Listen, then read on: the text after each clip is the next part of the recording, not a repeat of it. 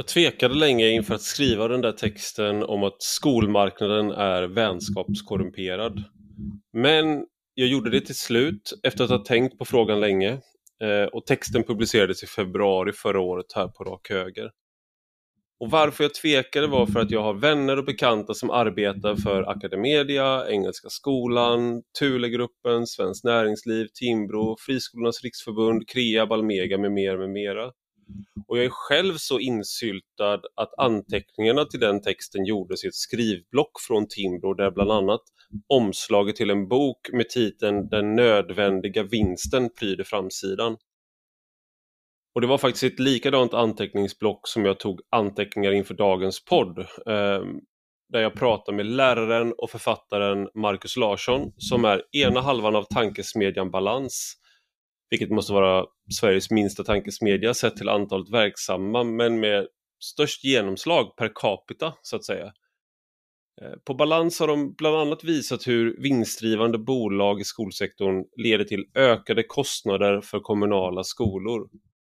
När elever flyttar till de, här de andra skolorna, friskolorna, så blir de kommunala skolorna av med elever och hela skolpengen. Men eftersom man har ett bredare uppdrag så måste man ha beredskap för eventuella nedläggningar eller inflyttning och liknande. Man blir heller inte av med lokalerna man har till exempel. Eh, så intäkten försvinner med eleven men kostnaden finns till stor del kvar. Dessutom har Balans mer än några andra kartlagt personkopplingarna mellan de politiska partierna, välfärdsbolagen och lobbyorganisationerna som jag var inne på i inledningen där. Svenska folket vill inte ha vinster i skolan men ett kotteri av gamla vänner täljer guld i systemet.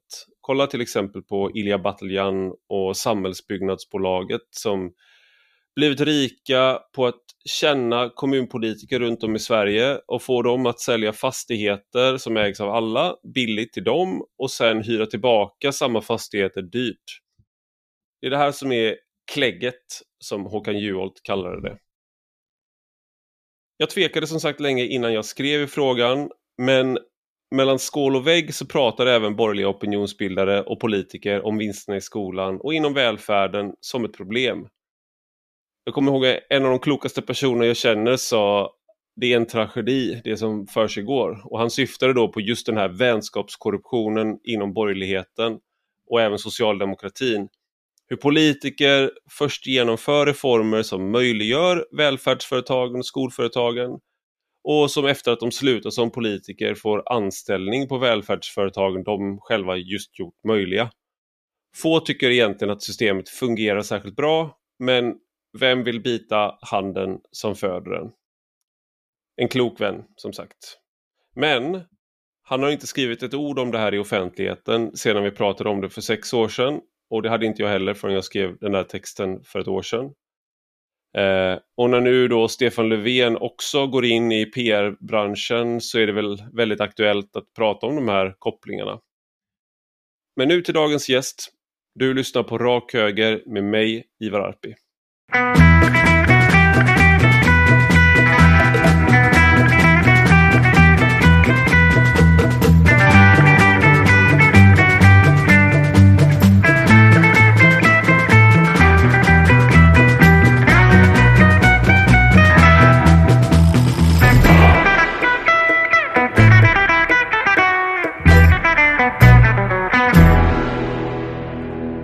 Välkommen Marcus Larsson till Rak Höger.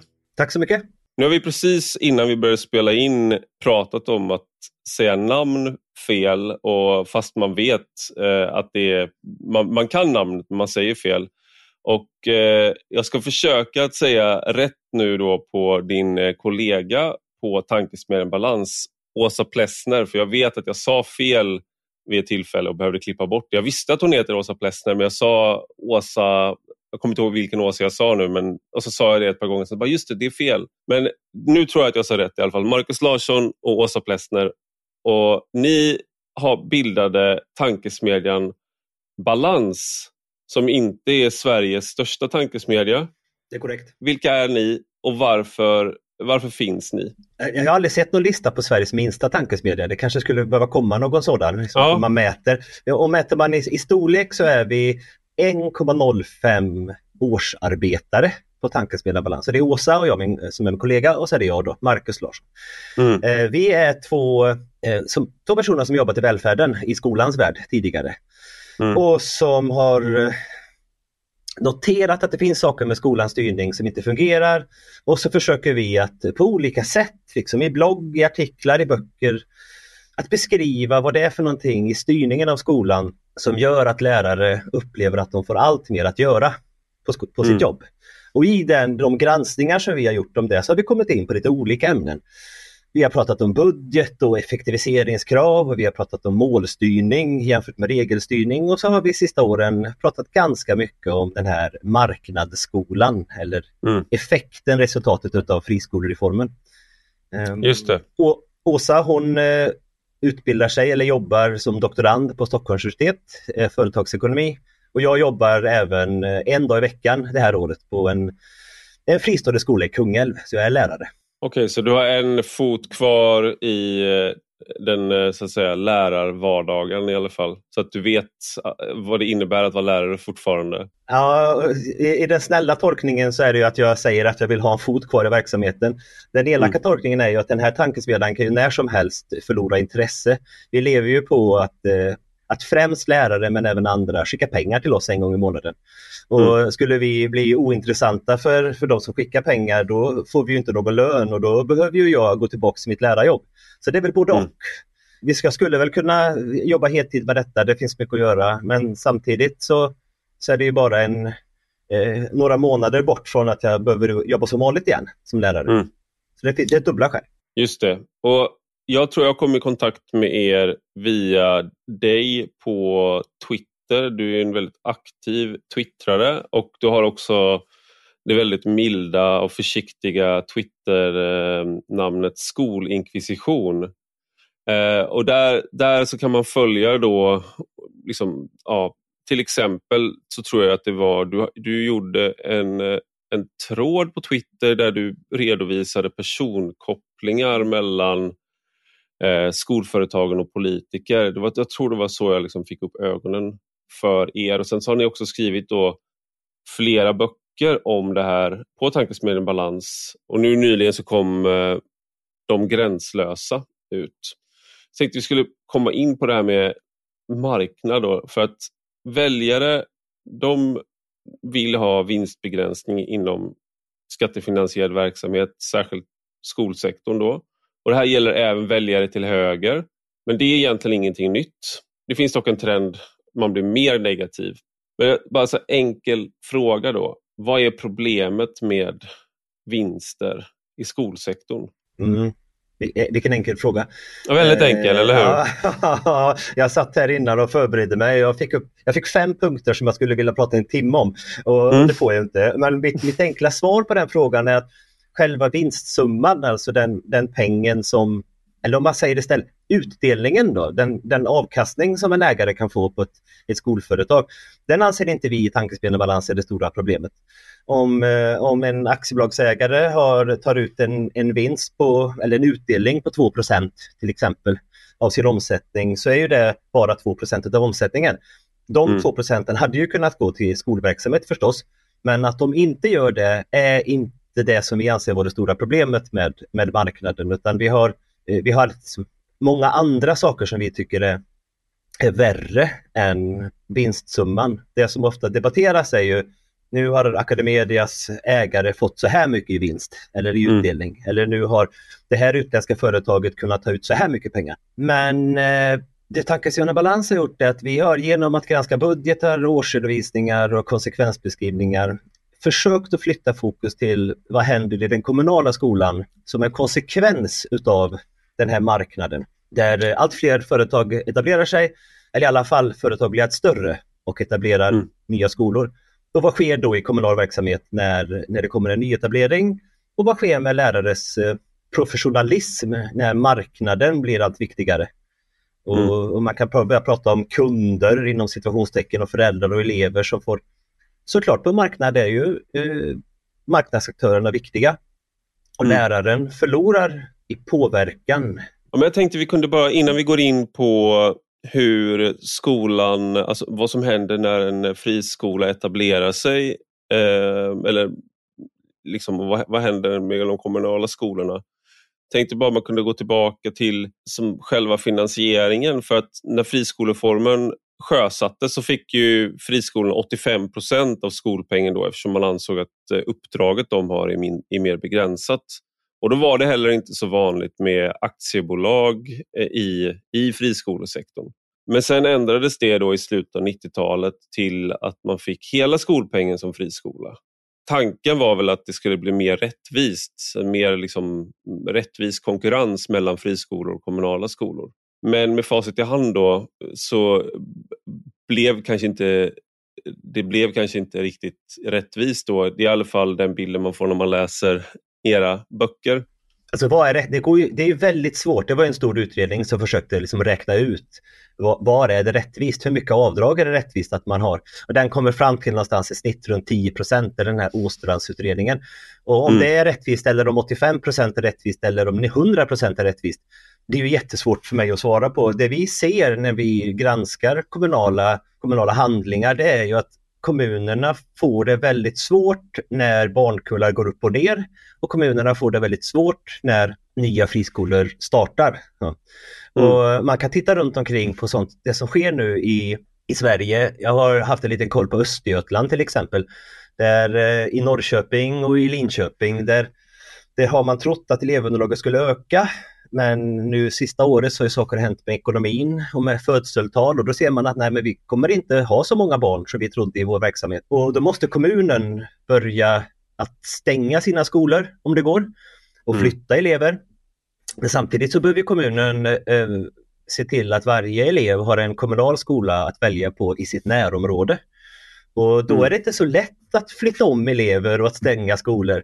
Och det gör att kommunens eh, genomsnittliga kostnad för varje elev blir hög. För det kommer alltid att uppstå lediga platser på vissa skolor och förskolor som inte blir fulla. Men det leder till att fristående skolor som inte har samma ansvar att se till att det finns en skola överallt eller har samma ansvar att, att ta emot alla elever, kanske inte bara de elever som är intresserade av en speciell profil.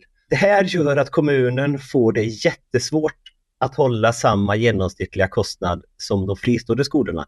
Där skulle man behöva lite mer pengar mm. för att det ska vara rättvisa villkor. Och om det inte är rättvisa villkor, då skapas ju en marknad där det finns liksom en, en attraktiv marknad att söka sig till för, för de som vill starta nya skolor förstås. Och Någonting som ni räknat på, eller som man kan se då, det, det är att om en kommunal skola får en högre skolpeng man kompenserar, då ska det ju, eftersom det ska vara, då, det ska vara en, en eh, rättvis marknad, då, eh, lika spelregler, så leder det till att då får friskolorna det också. Så att det, du ska inte ha skolor som får mycket mer pengar Eh, men också då att om, eh, liksom, om man har färre elever så försvinner eh, hela skolpengen när eleven byter skola.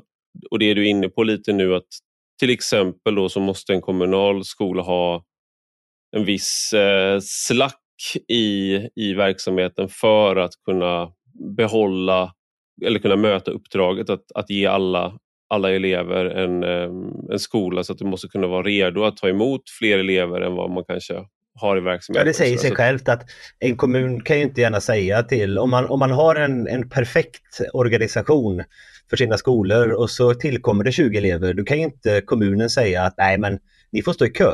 Och så mm. tillkommer det 30 elever till och så nej men ni får, ni får stå i kö. Eh, mm. Utan man måste ju börja se till att att skapa nya skolor då när det kommer ett ökat elevunderlag och sen minskar elevunderlaget, men då står man där med för många istället. Och så tillkommer en ny fristående skola, de har jättemånga skolplatser för mycket. Och det här, det här frestar på, det låter lite grann som att man är en, en 70-talssosse, en sån riktig gråsosse när man tänker mm. i de här banorna. Liksom, kommunal skolorganisation är viktigt och att optimera eh, resurser.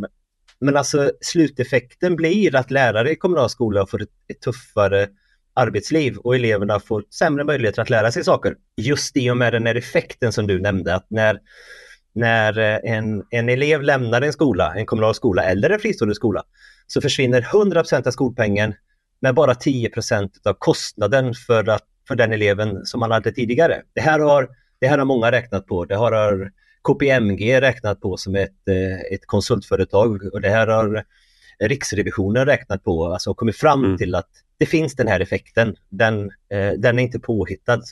En replik som har kommit då från friskoleföretagen det är ju att problemet här är att kommunerna är för dåliga på att till exempel eh, hyra ut liksom, tomma lokaler, att man är för dålig på att bli av med de där 90 procenten av kostnaderna på andra sätt.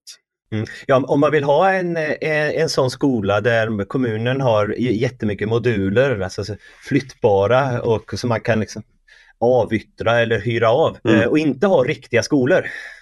Ser man framför sig att vi vill ha en sån skola där man inte som elev kommer till, till en, en skolbyggnad där, där skolan är eh, och mm. som är byggd och ser ut liksom som en, med, med massor med klassrum. Utan här är det den här kontorsmiljön som, som många fristående koncerner har. Då, då, skulle det kunna gå att göra det förutsatt att kommunen kan hyra ut till eh, andra företag som kan etablera sig i de lokaler som just det året inte behövs. Men det här, jag tror inte att svenskarna vill, vill ha eh, kommunala skolor som ser ut som eh, kontorslokaler. Vill man det, ja, men, eller som, som bara består av paviljonger eller, eller liknande, vill man det, ja men då går det såklart att bli mer flexibel. Jag tror inte att man vill det. Jag tror att man vill ha riktiga skolor där elever mm. går. Ett annat argument som många friskolor eh, och, och um, aktie, alltså skolkoncerner och deras eh, intresseorganisationer vänder sig emot det är ju att man skulle då utöka uppdraget för eh, Eh, friskolorna. Så att de är med och deltar i det kommunala uppdraget så att säga. Så att man, har, att man, man måste ta emot elever och, och sådär. Och det där är ju någonting de vänder sig väldigt mycket emot det här med att man ska dela på det kommunala uppdraget, det, det kan få lite lustiga effekter förstås. När en, eh, en elev tvingas att gå på Internationella Engelska Skolan eller på Waldorfskolan för mm. att den eleven, kommunen lejde ut uppdraget för den eleven till, till en profilerad skola. Det är inte alls säkert, det är inte det som är vitsen med friskolereformen, att elever ska tvingas in i en pedagogisk profil. Mm. Um, så att jag, jag, det där är nog en sak som låter bra. Vi kan ta ansvar. Vi, mm. Men ge oss, ge oss ett antal. Det finns ju tankar på till exempel Robert Wenglén, den kände moderaten i Lomma. Han, han är ju mm. inne på att man skulle handla upp skolor. Och då skulle ju kommunen kunna ha, fortfarande ha kontroll över hur många elever som skulle gå någonstans så att man efter upphandlingstiden är slut efter fem år, då kan man säga nej men vi är inte nöjda med den här skolan. Kan, nu vill vi att någon annan skola tar över. Så det är väl någon mm. slags medelväg kanske, upphandling. Eh, men jag, jag, tror då ändå att vi kommer behöva ha det lagstadgade uppdraget att ha grundskola till exempel. Mm. Det behöver ligga på kommunen och då kommer det kosta lite mer. Jag kommer ihåg en av de första ledartexterna eller när jag skulle, jag skulle söka mitt första ledarskribent eh, vikariat på Hallandsposten. Det här är 2011 och då var frågan eh, om jag skulle utvärdera en etablering av en vinstdrivande friskola då, i Halmstad. Eh, och vad skulle då ledarsidans linje vara? Och eh, om, om, jag, om jag inte minns jag, de, de tyckte inte att jag var tillräckligt liberal eh, för att jag kom fram till att det saknades ett behov och att vi borde skriva det i ledaren. Så jag fick skriva en till provledare sen som tydligen var, var mer liberal och så fick jag vikariatet. Men jag var nära att inte få mitt första vikariat där på det. Men det där är ju någonting som är, liksom, det där är ju verkligt väl. Alltså friskolor etablerar sig väl hela tiden i kommuner där man kanske till och med säger att det vore dåligt för kommunen för att det kommer innebära större kostnader.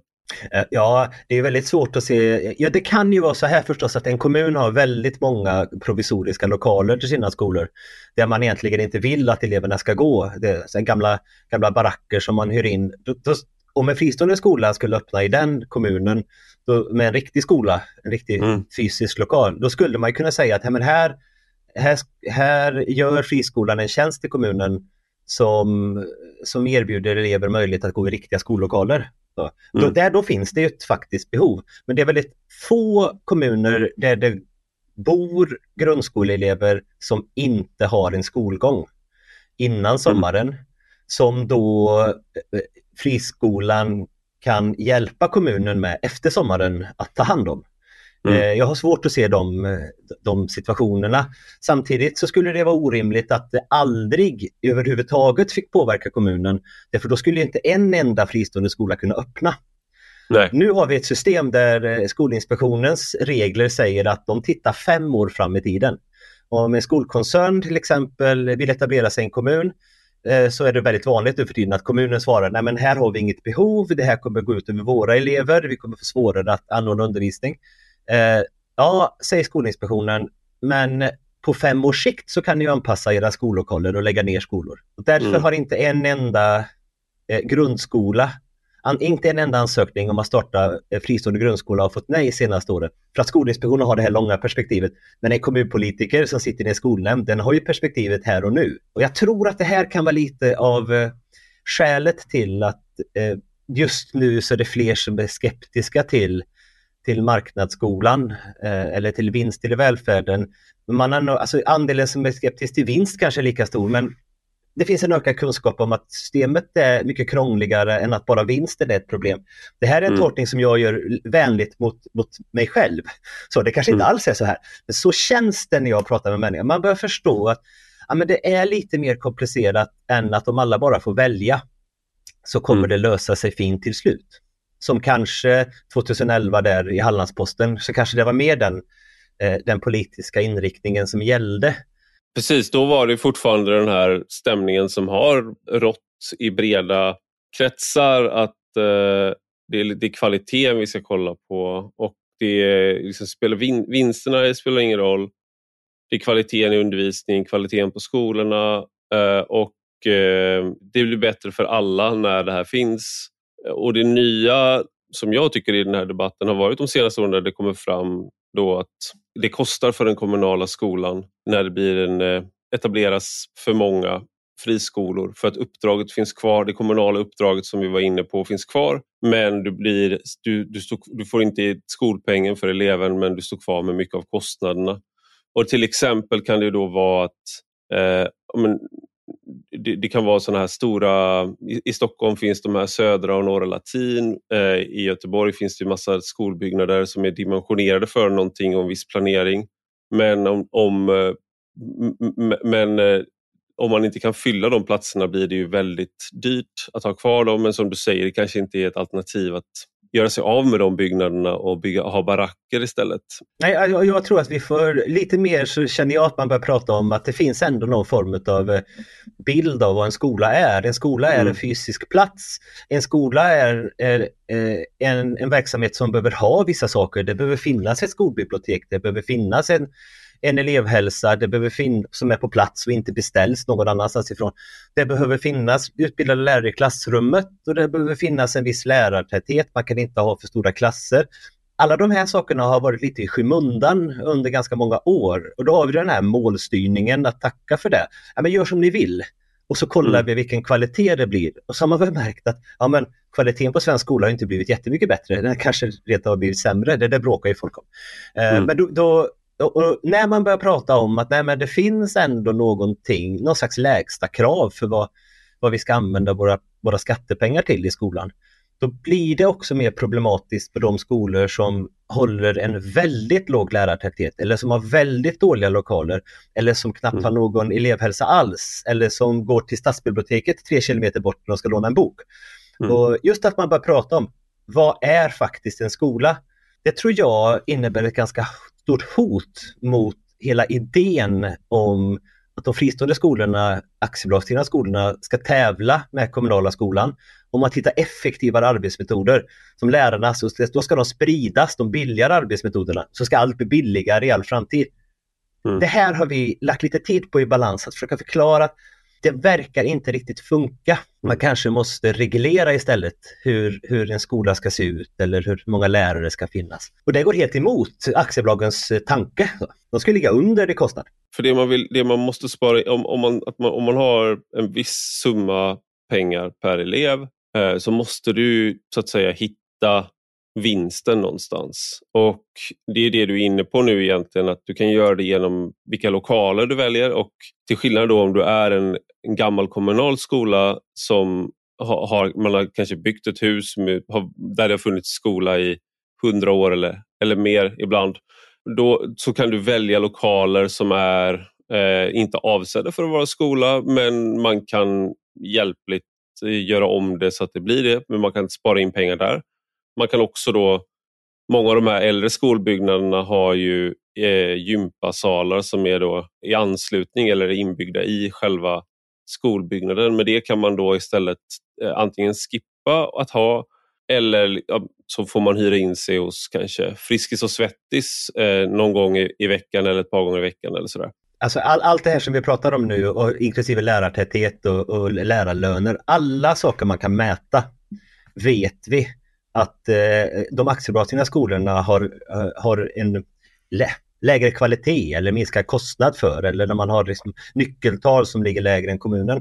Och det, har, det måste de ju ha för att det är där marginalen uppstår som i slutändan kan, kan bli vinst. Eh, ja. De kan ju inte lägga mer pengar än vad kommunen lägger för att då får de istället skjuta till pengar till sin verksamhet. Och det är ju inte syftet med ett aktiebolag. Just det. En sak som har varit eh, slående med er rapportering och eh, det har framkommit på andra ställen också men ni har varit eh, väldigt tydliga där i kartläggningen. Jag kan nämna Andreas eh, Cervenkas bok Gir i Sverige som kom nyligen, jag hade honom i podden för ett tag sedan, som också tar upp en del av det här. Men just att liksom, vänskapskorruption skulle man kunna kalla välfärdssektorn, att det är, den är vänskapskorrumperad. Jag, jag, skrev det i en text här på, på rak höger då, men med det så menade jag då att politiker, intresseorganisationer eller lobbyister om man vill kalla det det och företag i Sverige är tätt sammanvävd och det är extra, extremt tydligt i välfärdssektorn särskilt. Eh, och det här är ju då, och ni kollar på skolan specifikt, så en väldigt eh, öppen fråga nu då. Hur ser det ut egentligen? Alltså hur, hur mycket, hur täta är de här banden? Ja, det är också en fråga som så såklart inte går att ha något facit på för då måste man ju sitta med i ett rum där alla människor är. Eh, men om man mm. börjar med hur, hur i hur stor utsträckning ägs fristående eller skolkoncernerna utav, eh, utav, utav före detta politiker så, så finns det ju sju, åtta skolkoncerner av olika storlek som antingen har en hundraprocentig ägare för detta politiker, mm. som till exempel koncernen Watma som driver Nordic International School. Eh, och, eh, och koncerner som har en delägare som är politiker men som är grundare utav skolan. Och så finns det mm. aktiebolag eller börsnoterade skolor som har huvudägare som är före detta politiker. Eh, så det, det, går inte, det går inte att egentligen komma fram till någon annan slutsats än att före detta politiker är överrepresenterade när det gäller ägandet utav skolkoncerner. Sen kan man se på hur många koncerner som har före detta politiker eller politisk, man ska väl inte säga politiker utan det är höga tjänstemän också. Jag, jag, drar, jag säger politiker men jag menar ju politiker och höga tjänstemän. Och med höga tjänstemän får man mm. säga, har man suttit i, i, någon, i, i någon regering som tjänsteman så är man väl att anses som högtjänsteman. Eh, ja. Då finns det väldigt många inom styrelser. Tittar man sen ner på intresseorganisationerna så är de också en stor del av de som jobbar inom till exempel Friskolans riksförbund eller som har jobbat inom Almega eller, eller andra intresseorganisationer är före detta politiker eh, eller har till och med varit aktiva politiker under tiden. Mm. Eh, och så de som arbetar som lobbyister för, för företagen också kommer ifrån eh, att ha varit politiskt engagerade.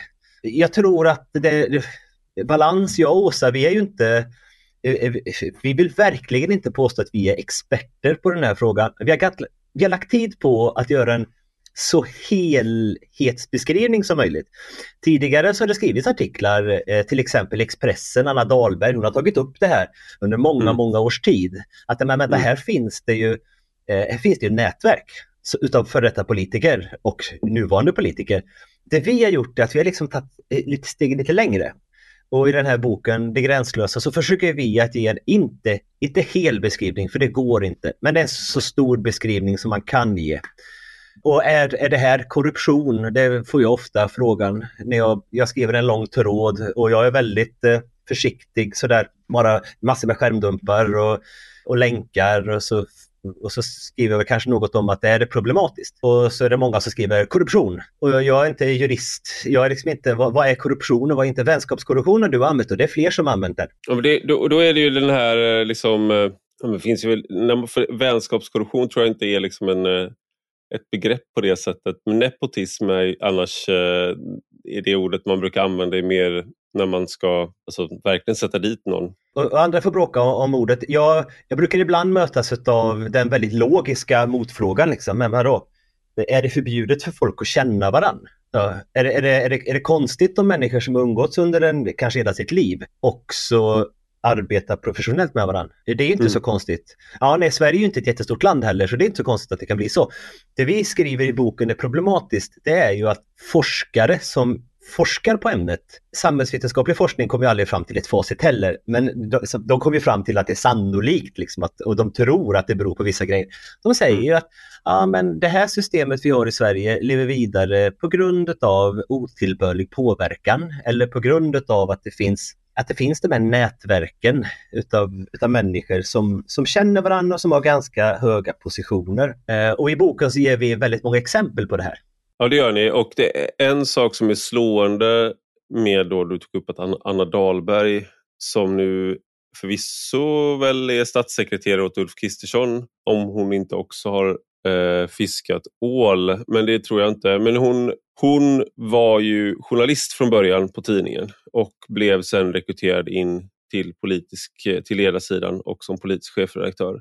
Och många, de flesta andra ledarsidor i Sverige äh, har väldigt täta kopplingar till antingen LO äh, eh, och de organisationerna, äh, facken, om det, är, om det är Aftonbladets ledarsida eller och många av de andra ledarsidorna som är eh, på vänsterkanten. De har väldigt täta kopplingar där. Eh, eller om det är ledarsidor och opinionsbildare på högerkanten så har man i regel en väldigt tät koppling till Svenskt Näringsliv och den sfären med Timbro och sådär. Och det gäller liksom det gäller inte eh, Expressen och det gäller inte alla men det var så slående under den perioden att det var Anna Dahlberg just som gjorde det för att hon hade vad jag vet ingen sån koppling sedan tidigare. Medan de som hade det inte skrev om det. Och det är så du säger då att det är inte så konstigt att du fortsätter att eh, jobba med människor som eh, du har känt hela livet som du kan lita på. Eh, och det här kan ju det här kan ju vara ett problem ibland om du har en, eh, liksom en modell som är att tjänstemän ska vara opolitiska och utföra politikers uppdrag. Men om de tjänstemännen har en egen, egna uppfattningar så kan det bli svårstyrt. Och då kan det vara en fördel om du kan ta in människor som du känner och litar på som ska genomföra. Men i det, i det här fallet som ni tar upp då så är det ju så att vi har haft en kompakt majoritet för en förändring här skulle man kunna säga. Och då måste man på något sätt förklara varför sker inte den förändringen? För att annars så kan man ju tänka sig andra områden där det har funnits eller finns en väldigt stor folklig eh, majoritet så tjänar väl, liksom i en demokrati, så tjänar ju politiker på att gå dem till mötes. Man skulle, om man är elak eller inte håller med kan man säga att det är populism. Men eh, det är ju så demokratin är tänkt att fungera, att om folk vill ha en förändring så brukar politikerna åtminstone förr eller senare leverera den förändringen för att själva få behålla makten. Men här sker inte det. Nej.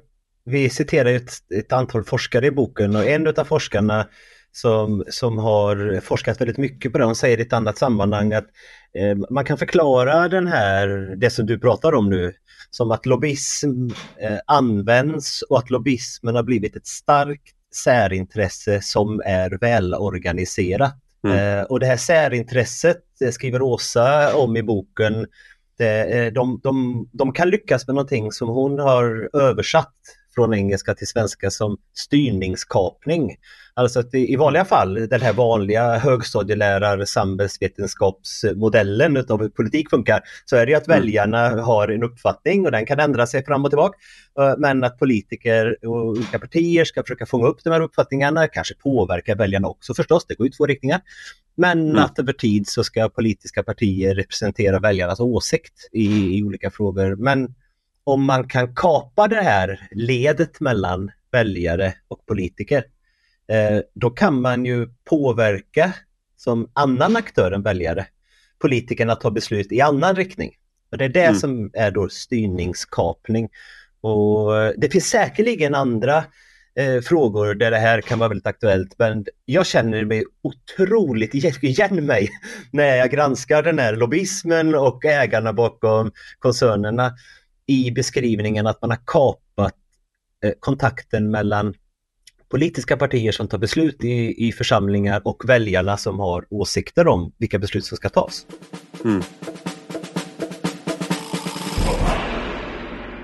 En sån där eh, kapning eller vad man ska kalla det, det, det, det är ju också då att eh, om man ser offentligheten som eh, eh ett rum där frågor, konflikter eh, i en demokrati ska diskuteras. Det är positivt om man diskuterar frågor. Så att om, om du har olika uppfattningar så ska det stötas och blötas i offentligheten för att medborgarna, väljarna, ska kunna fatta mer informerade beslut.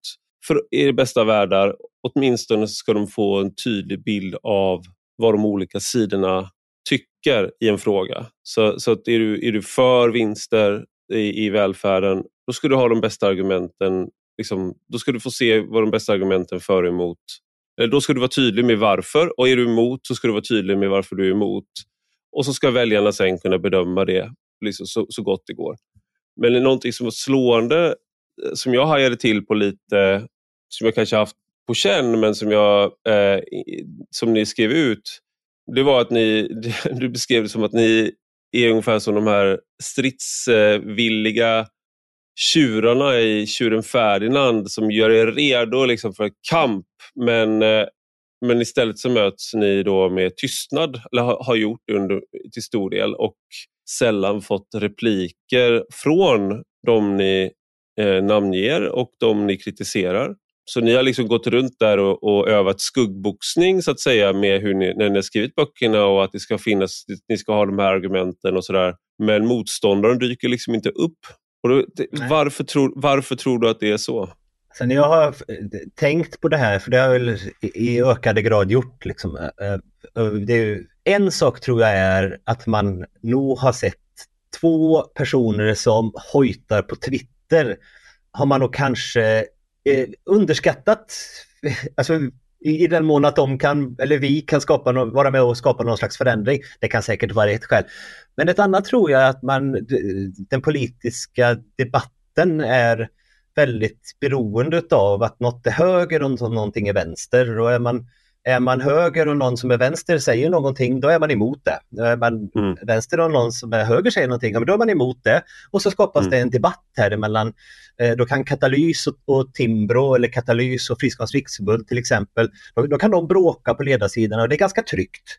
Eh, mm. För Katalys eller vilken aktörer nu kan vara känner att när vi, när vi går emot eh, Timbro, ja men då får vi stöd från våra. Och Timbro känner att ja, men när vi går emot vänstersidan, då, finns, då, då mobiliserar vi våra krafter. Jag tror det är lite svårare att räkna ut vem, vem ska tankespelaren balans motpart vara? Mm. Alltså vem, vem, är det här vänster-höger? Och då har, ju, då har det såklart blivit att man, då vill man kategorisera oss som vänster. Vi pratar om om saker som resurser till skolan eller resurser till välfärden.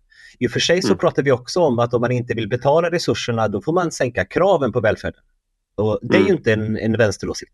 Alltså, så ifrågasätter vi eh, valfrihetsreformer, ja men då tycker man att det är ju klassiskt vänster att göra det. Så det måste vara mm. vänster. Men, men, faktum är att vi, vi är inget annat än, än två personer som bryr oss verkligen mycket om arbetsmiljö.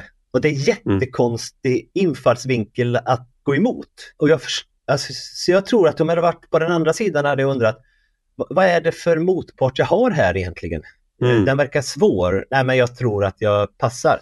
Sen är det säkerligen så att, att vara tyst om någonting som någon kritiserar är väl ett bra sätt att på sikt få den frågan att dö ut. De hade väl hoppats det med, med er kan jag tänka eftersom ni, ni kallar er själva för en tankesmedja men det, för ju, det finns ju så att säga tankesmedjor med flera hundra anställda i USA i alla fall. Men, och liksom att de, de, de vi brukar prata om, de tankesmedjorna som Arena och Timbro och sådär, eh, de är, de är avsevärt mycket större eh, än vad ni är och eh, man skulle ju kunna tänka sig då att ni tappar sugen efter att ha inte fått till då den här debatten med, med Academedias eh, VD eller liknande några gånger. Mm.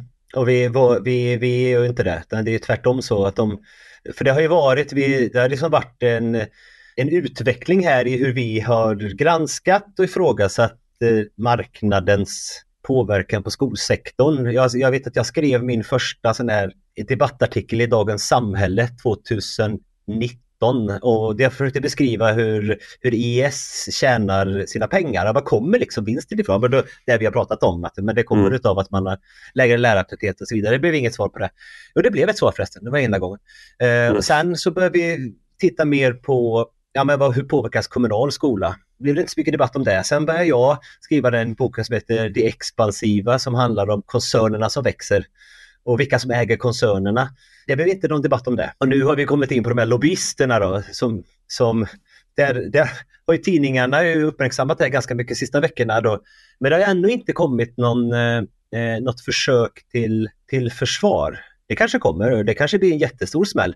Men ännu har inte någon dykt upp så att säga för att, att slåss för eh, skollobbyisternas heder och existensberättigande. Eh, och för jag tror att det är ganska svårt.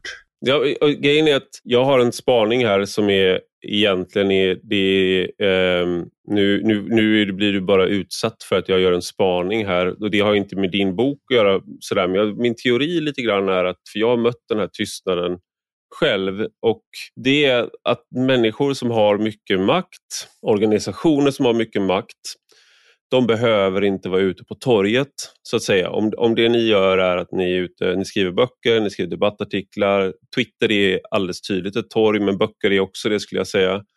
Eh, och, och, när du är då en person som, eller en organisation som är utanför maktens boningar till stor del, då måste du använda dig av torget och mobilisera om det så är ett faktiskt torg eller om det är ett digitalt torg och debattsidor och liknande. Men sitter du redan innanför borgmurarna så att säga, då kan du vara kvar i ditt torn så länge tills du blir uttvingad, men ganska länge kan du vara kvar. Och då, att då eh, liksom nedlåta sig till att ta en debatt, det kan vara någonting som eh, du förlorar på för att det du gör genom att ta debatten det är att du på något sätt visar att det här är en legitim debatt att ha. Det här är en fråga som vi kan tvista om. Det här är en fråga som kan avgöras med politik. Och nu är jag här bara genom min närvaro så visar jag det. Att vi från tornet tar torget på allvar. Och jag bara tyckte det var intressant också för att samtidigt så har jag återkommande, senast idag faktiskt, de här lobbyorganisationerna eller koncernerna som vill äta lunch med mig. Och det är väl för att jag är en, förlo jag är en förlorad, eh, alltså, vad säger man på svenska, prodigal son. Alltså man, är, man anser att jag är en naturlig allierad men som man inte helt har lyckats vinna över. Jag debatterade med Academedias VD på Bokmässan i höstas och eh, var, väldigt, var otroligt hård. Jag var den som var hårdast av alla där. Men eh, han ville gärna träffas och äta lunch. Och det är väl, jag, jag vet inte, det, du vill inte ta en debatt i offentligheten, men du äter gärna lunch. Ja, det, det, för det första så håller jag väl eh, till stor del med om den första beskrivningen om om torget och uh, Twitter har ju blivit för oss, vi hade ju inte haft en chans förstås att göra det här om inte vi hade haft de här torgen som ligger utanför riksdagshuset och deras och, kretsarna runt där. Så det var ju, mm. eh, precis så så ligger det till. Sen eh, i början när vi skrev, när jag, jag skrev de här eh, sakerna om IS eh, och försökte förklara egentligen väldigt enkla ekonomiska samband som jag skrev om, som mm. på A-nivå på universitetet. Så fick jag jättelånga svar personligt mm. från eh, någon av IS, eh, ja vad kan de ha hetat, eh, public affairs-ansvarig eller kommunikationsansvarig. Oerhört långa mejl på engelska om, mm. om varför jag hade fel. Alltså, och så ja. började jag prata med lite andra, men, ja, men det är så de jobbar när en journalist skriver någonting kritiskt så, så är det liksom det, det är ett sätt att man, man inte tar debatten i, i det öppna utan att man skickar du har fel på grund av det här. Eh, mm. Det där funkade inte jättebra på mig därför att jag är lite tävlingsinriktad så att jag, det ökade väl mitt intresse av att i det öppna förklara varför eh, de mm. argument som IS skickade till mig i personligt mejl var fel. Mm. De vill väl också kom, du vet den här låten av Olle Adolfsson, Trubbel, som Monica Zetterlund också har sjungit in. Och Det är en man som blir bedragen av sin fru och hon har träffat någon som är mycket finare eh, och han går dit sen. Just det, och hon säger då till, till slut kommer det fram att han, den här finare mannen då har dumpat eh, huvudpersonens eh, fru och då, är han extra, då går han dit och så har han hammaren gömd under kavajen tills den här finare mannen kommer ut i sidenscarf och och då Kom in och slå dig ner en stund så får vi prata. Och eh, liksom, Han kommer av sig, blir bjuden på konjak och cigarrer och de skiljs åt som bästisar och bundis. Jag hör den låten i bakgrunden när någon hör av sig till mig eh, och vill att vi ska reda ut eh, en sak, alltså en, en, en, en, debatt som man ska reda ut på det sättet. Sen kan det vara att man hör av sig privat för att man så vill visa att jag har ingenting emot dig som person, men sådär. Och ja, jag kände det som även jag var ratad. Jag ville slåss och gick mot mitt livs nederlag. Jag är väldigt förtjust i den här låten. Jag är från Värmland så det finns ju många kopplingar där. Ja. Eh, ja, jag, men det stämmer att jag, jag hade hammaren beredd under kavajen men så blev det inget. Det blev inte så riktigt. Nej. Uh, uh, och, och, och, även där är det kanske svårt att hantera en arg lärare på Twitter. Jag får inte så jättemånga som det händer, kan vi inte ta en öl och prata om det? Det är inte mm. jättevanligt men det, det händer väl. Mm. Jag, men det var till exempel Eh, Åsa var ju med på TV4 Nyhetsmorgon och skulle prata om boken och då blev ju Friskolans riksförbund inbjudna förstås, men valde mm. att inte komma dit. Det är väldigt konstigt, det är väldigt konstigt för att eh, det är annars eh, just den här kopplingen till politiken, att det är antingen eh, människor som sitter i, i vissa av de här organisationerna som är då tidigare, eller, eh, tidigare politiker eller att de fortfarande har uppdrag det är inte debatträdsla som får människor i regel att bli politiker. Eh, det är inte det som utmärker politiker allra mest. Nej, det är dumt att anställa sådana om man inte vill ha eh, del av deras kompetens när det gäller att faktiskt samtala. Jag hade nog gått dit om jag hade varit eh, Friskolans riksförbund och suttit med och sagt att det här är bekymmersamt. Vi förstår att det här kan, kan verka men och så ha mm. några, några skäl till varför det ändå är bra. Nu, nu mm. blir det så tydligt. De vill inte komma. Och, mm. och så får folk dra sina egna slutsatser utav det. Mm. Ja, någonting som då är väldigt slående är ju att eh, när man är politiker eller opinionsbildare så finns det inte så många vägar därifrån om du vill arbeta med, eh, med vissa saker. Och Det skulle ju då kunna förklara till exempel att man går till de här företagen för att om du är liksom ideologiskt besjälad av att vi ska ha en skolmarknad då, som är det vi pratar främst om. Ja, men, och sen då så finns det företag eller intresseorganisationer som arbetar med det. Så när du slutar som politiker och det är det du har, det är en av de sakerna som du har brunnit för och debatterat och sådär. Då är det liksom en eh, väldigt litet steg att sen eh, vara på den sidan av det. Eh, och, och liknande då kanske i andra frågor. Och då, så det skulle ju ta bort den här tanken, då, den här kopplingen är inte alls konstig egentligen utan det är bara naturligt för att du är helt enkelt besjälad av de här frågorna. Och vilken sida du befinner dig på eh, är inte det viktigaste. Eh, och ibland kan även steget gå från, åt andra hållet som nu då med vår sittande skolminister Lotta Edholm från eh, Liberalerna som då gick till eh, ministerpost från och nu glömmer jag av vilket företag det var hon kom ifrån. Tellusgruppen, precis. Och då är det ju naturligt på något sätt för att det är bara det är så här, det är, väl, det är olika hattar men det är ju samma person under. Vad tänker du om det resonemanget? Nej, det är väl jättenaturligt. Uh, I sig är det, den här boken som vi har skrivit, den är ju liksom inte något uh, vi går inte krig med företeelsen lobbyism eller att man jobbar för intresseorganisationer utan boken handlar om att ge många exempel på att väljarnas åsikt inte blir praktisk politik. Men, men det är inte alls konstigt eller ens fult att det här sker. Väl, till exempel kan man nu se när, när Socialdemokraterna har blivit av med makten. Jag följer ju väldigt eh, nära den här sidan Dagens Opinion för där kan man, där lägger de alltid upp när någon har rekryterats utav något något eh, lobbyistföretag och just nu är det jättemånga mm. socialdemokrater som startar eget eller som går till, till Westander, som är en, en lobbyfirma där många socialdemokrater befinner sig. Och sen mm. om Socialdemokraterna vinner valet nästa gång, ja men då kommer väl de kanske gå tillbaka. Eh, därför att de ville jobba med de här frågorna. De kan, eh, och då kan man göra det antingen som, som politiker eller tjänsteman när man har makt över frågan eller som lobbyist när man inte har makt över frågan för man har förlorat valet. Det är väl ingenting egentligen som är konstigt med det. Eh, vi försöker förklara varför eh, väljarnas uppfattning om marknadsskolan och om vinster i välfärden inte blir politisk verksamhet. Och där är ju det en del av förklaringen. Det är inget mm. konstigt att det är så här som du beskrev, men det är en del av förklaringen. Så till exempel att man skulle vara köpt. För det här är ju liksom en... Men de tycker ju så här. Då är man ju inte köpt. Då man kanske får pengar för att driva en uppfattning. Men om man har samma uppfattning, då är man ju inte köpt. Mm. Och Åsa problematiserar lite grann det här i sina forskningskapitel som hon har skrivit. Eh, men, men, eh, men även där är, nej, kan, det är inte det vi skriver. Vi, vi skriver inte att människor är korrupta. Vi beskriver att systemet leder till eh, att demokratiska funktioner har satts ur spel. Och, och, då behöver man inte bry sig så mycket om huruvida de personer som finns inom systemet agerar efter att de vill tjäna pengar på någonting eller att de faktiskt tycker så när de tar upp på KREAB och, och mm. startar valfrihetskommissionen till exempel. Så, um, ja. Sen kan man väl också se liksom att det finns incitament att tycka på vissa sätt.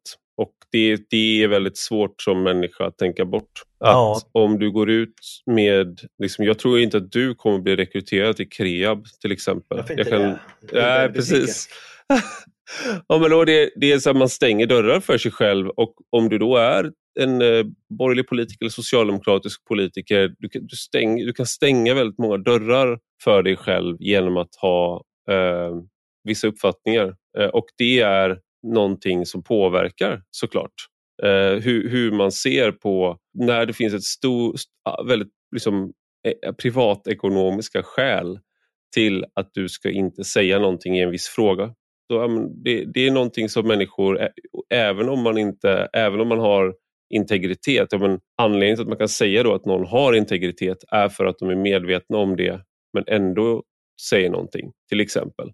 Eh, men det där finns där i bakgrunden och det där är också någonting då, under många år så hörde man människor i, de här, i den här sfären liksom kring svenskt näringsliv på högerkanten då liksom och Timbro och, och sådär som sa att de tyckte att det här är en eh, det här är inte bra som det fungerar. Okej, okay, men varför skriver du inte någonting om det? Men det är ett väldigt stort socialt pris, man känner dem det handlar om. Och det är också en, eh, du, du stänger väldigt många vägar för dig själv. För att du, liksom, du, du är inte lojal helt enkelt. Eh, och är det värt det?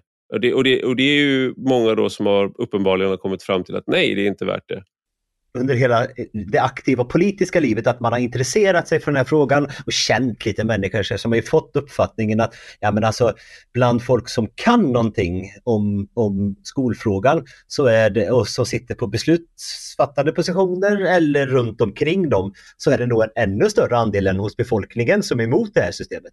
Alltså mm. det, det, eh, så tror jag att det Var det 98 procent av lärarna är emot ja, det nuvarande ja. systemet, tror jag ni tog upp som en statistik.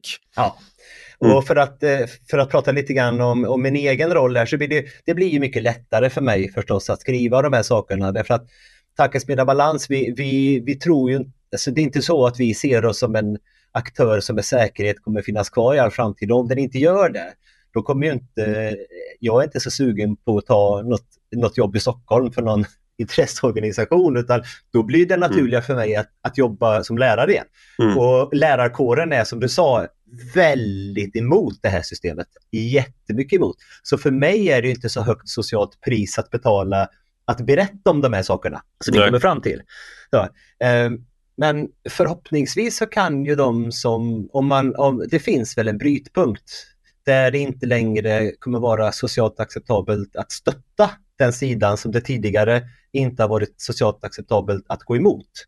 Och när mm. man har passerat den, vissa, några borgerliga partier, det tror jag det är på väg att ske. Det kommer bli en strid i Centerpartiet nu om den nya skolpolitiken. Och jag vet i Liberalerna så har ju jättemånga kommunpolitiker, de är redan totalt emot marknadsskolesystemet. Och mm. innan den nya regeringen tillträdde, något år innan, så, så var man också väldigt tydlig med det. Från Stockholm, Malmö, Göteborg eh, för Liberalerna. Vi, vi, kan inte ha det här systemet. Det var något mm. liknande. Saboni gör någonting åt skolpengen. Och då går det en gräns när, när det plötsligt eh, inte bara är okej okay att eh, kritisera marknadsskolan utan eh, folk kommer nog kanske till och med säga att ja men det har jag, all, jag har alltid sagt det här. Jag har alltid varit emot. Och då får man bara tugga i sig det då. Det är lite som eh, det finns eh, Eh, fantastiska, fantastisk forskning som jag ofta återkommer till av Philip Tetlock som är statsvetare. Han följde människors, eller, och han forskar om hur, hur man gör förutsägelser och hur experter gör det och, och, och sådär. Och då följde han ett antal experter på politik över eh, en 20-årsperiod tror jag det var och som gick det spände mellan, tror det var 1982 och 2002 eller något sånt där. Så det gick ju liksom över då murens fall och så frågade han då i efterhand hur många av dem som hade förutspått murens fall. Alltså han följde upp det. Och då var det 80 procent som hade förutspått murens fall enligt sig själva. Men, gick man till, men det fina var att han kunde gå tillbaka med exakt samma personer och kolla innan murens fall hur många som förutspådde det. Och då var det, jag tror det var 10 eller 20 procent. Och jag, jag, tror inte att de, jag tror inte att de ljög. Jag tror att de mindes det så själva det är väldigt svårt att min man, man, har en tendens till att göra sådär. Ja, den där forskningen skulle man inte vilja bli utsatt för. Nej, det går att utsätta sig själv för det. Man kan gå in på hans sajt Superforecasting och utsätta sig själv för det. Eh, det, är väldigt, det är väldigt få som gör det som arbetar inom eh, i offentligheten. Eh, jag, jag tillhör den kategorin som är sämst. Ju mer du syns i TV, ju mer du syns i media, desto sämre är man på att förutsäga vad som faktiskt kommer ske. Och Det har att göra med hur man gör nyhetsvärdering och sådär. Det är roligare om någon avviker än att de säger som alla andra. Eh, men jag är väldigt bra på att ignorera den delen av den här forskningen. Jag tänker en sista, ett par sista saker bara. Det här med när vi pratar om marknadsskolan, du pratar om, man pratar om skolmarknad en sak som jag skulle vilja säga då som eh, tycker att marknadsekonomi är eh, i grunden bra är ju att det här är inte en marknad som vilken som helst. Det här är inte riktigt en marknad i det av, utan det är nästan det, det sämsta som jag ser det av marknadsekonomi och planekonomi. Det vill säga du har en planekonomi som har att göra med, alltså du måste planera för elever, vart ska de gå i skolan och liksom en viss summa pengar som, som varje elev har rätt till, då skolpengen. Och sen eh, det sämsta av marknadsekonomi då att det finns företag som kan hitta sätt att eh, få ut en slags eh, marginal ur den här. Och Det gör ju att för mig är det heller inte, borde inte vara en, det borde inte vara en höger-vänster-fråga ideologiskt. Jag förstår att människor har investerade intressen i olika företag och att man förlorar personligen på olika sätt om det ändras. Men jag kan inte se att det skulle vara ett argument jag kan se väldigt många sätt som man kan vara höger till exempel. Då. Eh, eller vänster. Alltså vänster är det, det vanliga är att man tänker att så fort man är kritisk mot det här så är man vänster. Men det finns ju väldigt många goda skäl från höger att tycka att det inte fungerar på ett optimalt sätt också. Ja, det brukar inte, konservativa brukar inte uppskatta när man blandar ihop de här sfärerna. Liksom. Har man en, en offentlig sfär och en privat sfär så kan man ha olika uppfattningar om hur stora de här ska vara. Man kan väl mm. tycka att den privata sfären ska vara väldigt stor och att det, många samhällsfunktioner ska, ska skötas genom att man får betala och så får, man, så får marknaden lösa sitt och så får man den kvalitet eller den mängd som man vill ha och är beredd att betala för. Och så kan man tycka mm. att den här offentliga sfären ska vara olika stor och, och, och, en del tycker att vi ska ha jättemycket skatt och massor med funktioner ska vara offentliga och andra tycker mindre. Men, men just det konservativa är väl att inte riktigt lita på att man ska blanda de här.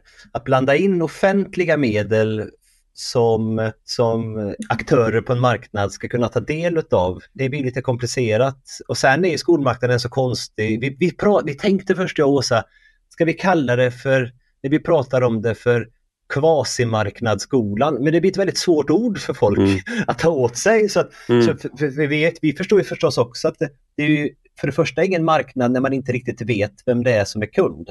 Och är det eleven som är kund eller är det staten som är kund eller kommunen som är kund eller vem är det som är kund egentligen?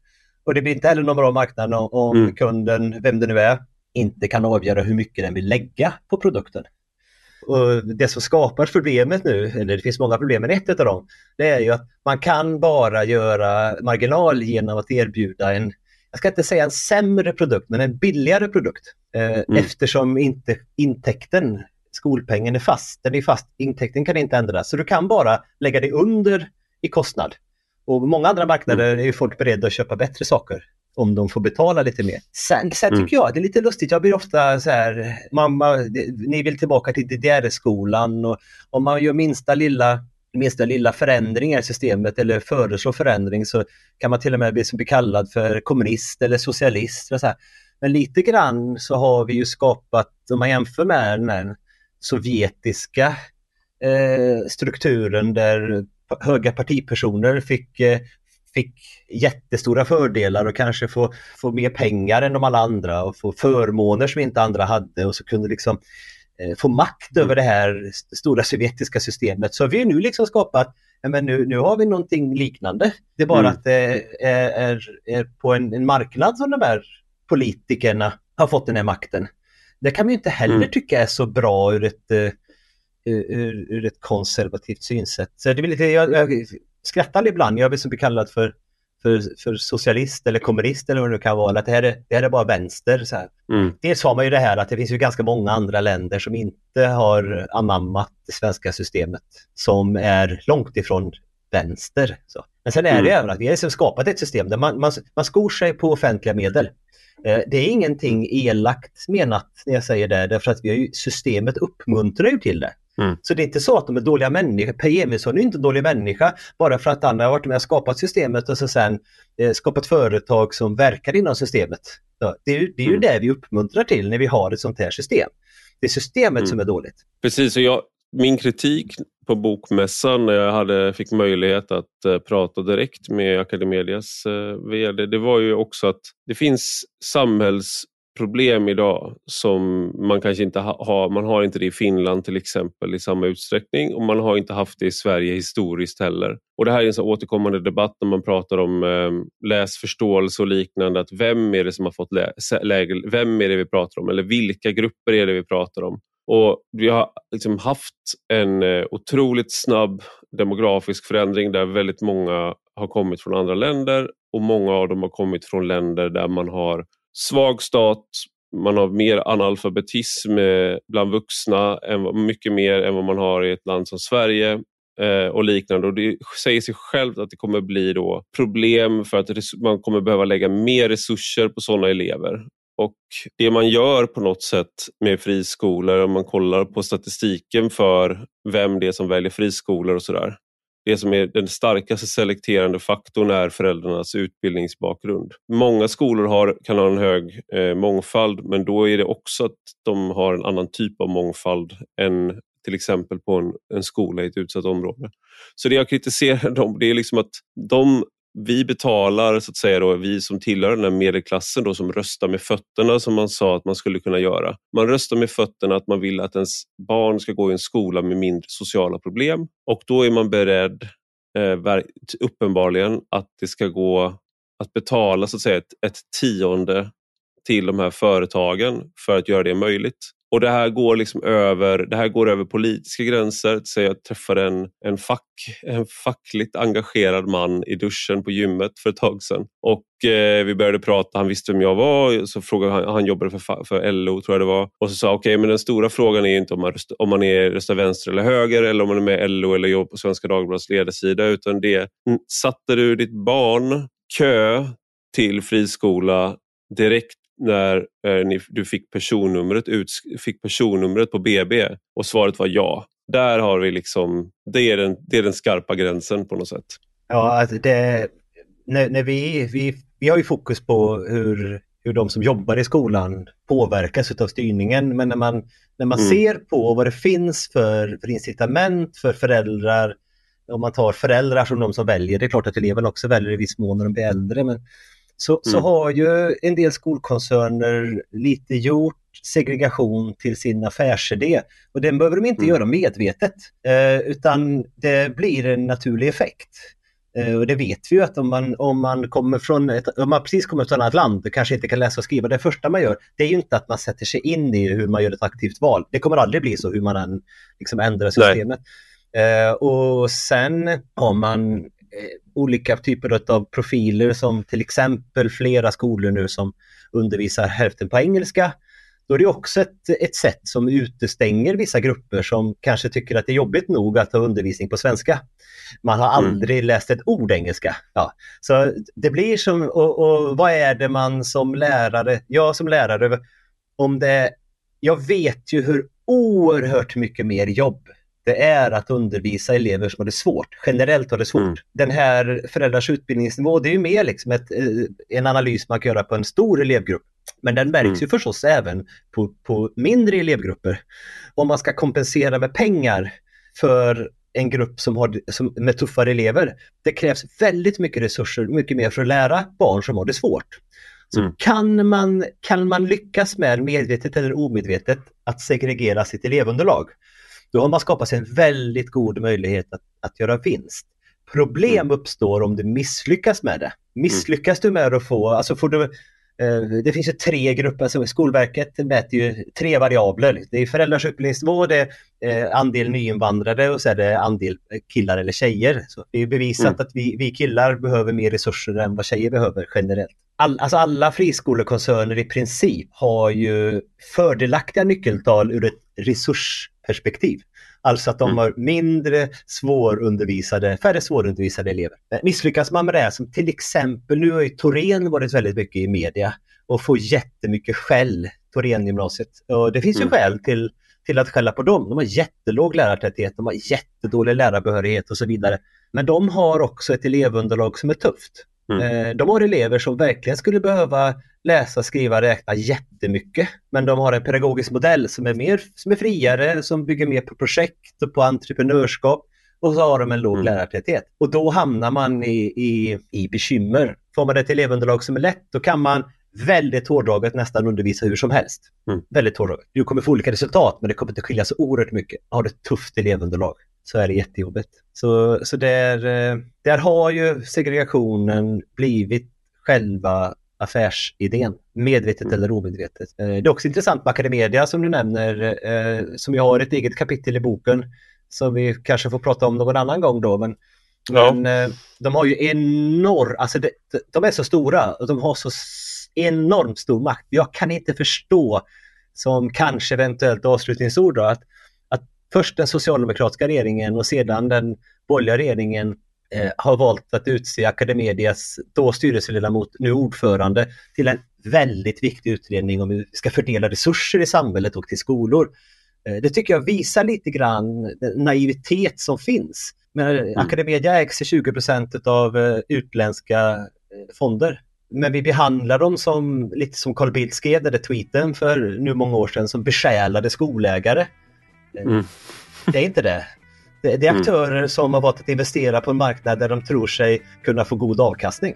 Det är det det handlar om. Mm. Stort tack Markus Larsson för att du var med i Rak Höger. Tack för att jag fick komma. Och stort tack till dig som har lyssnat. Gå gärna in och skriv en recension på Apple Podcasts eller i den app där du lyssnar på podden. Och detta är alltså en del av en större publikation på Substack med samma namn som podden. Och den som prenumererar där kan även ta del av de texter jag skriver. Gillar man det man läser och hör får man gärna bli betalande prenumerant för 5 euro i månaden eller 50 om året. Då får man ta del av lite exklusivt extra material också. Du hittar rubbet på ivararpi.se.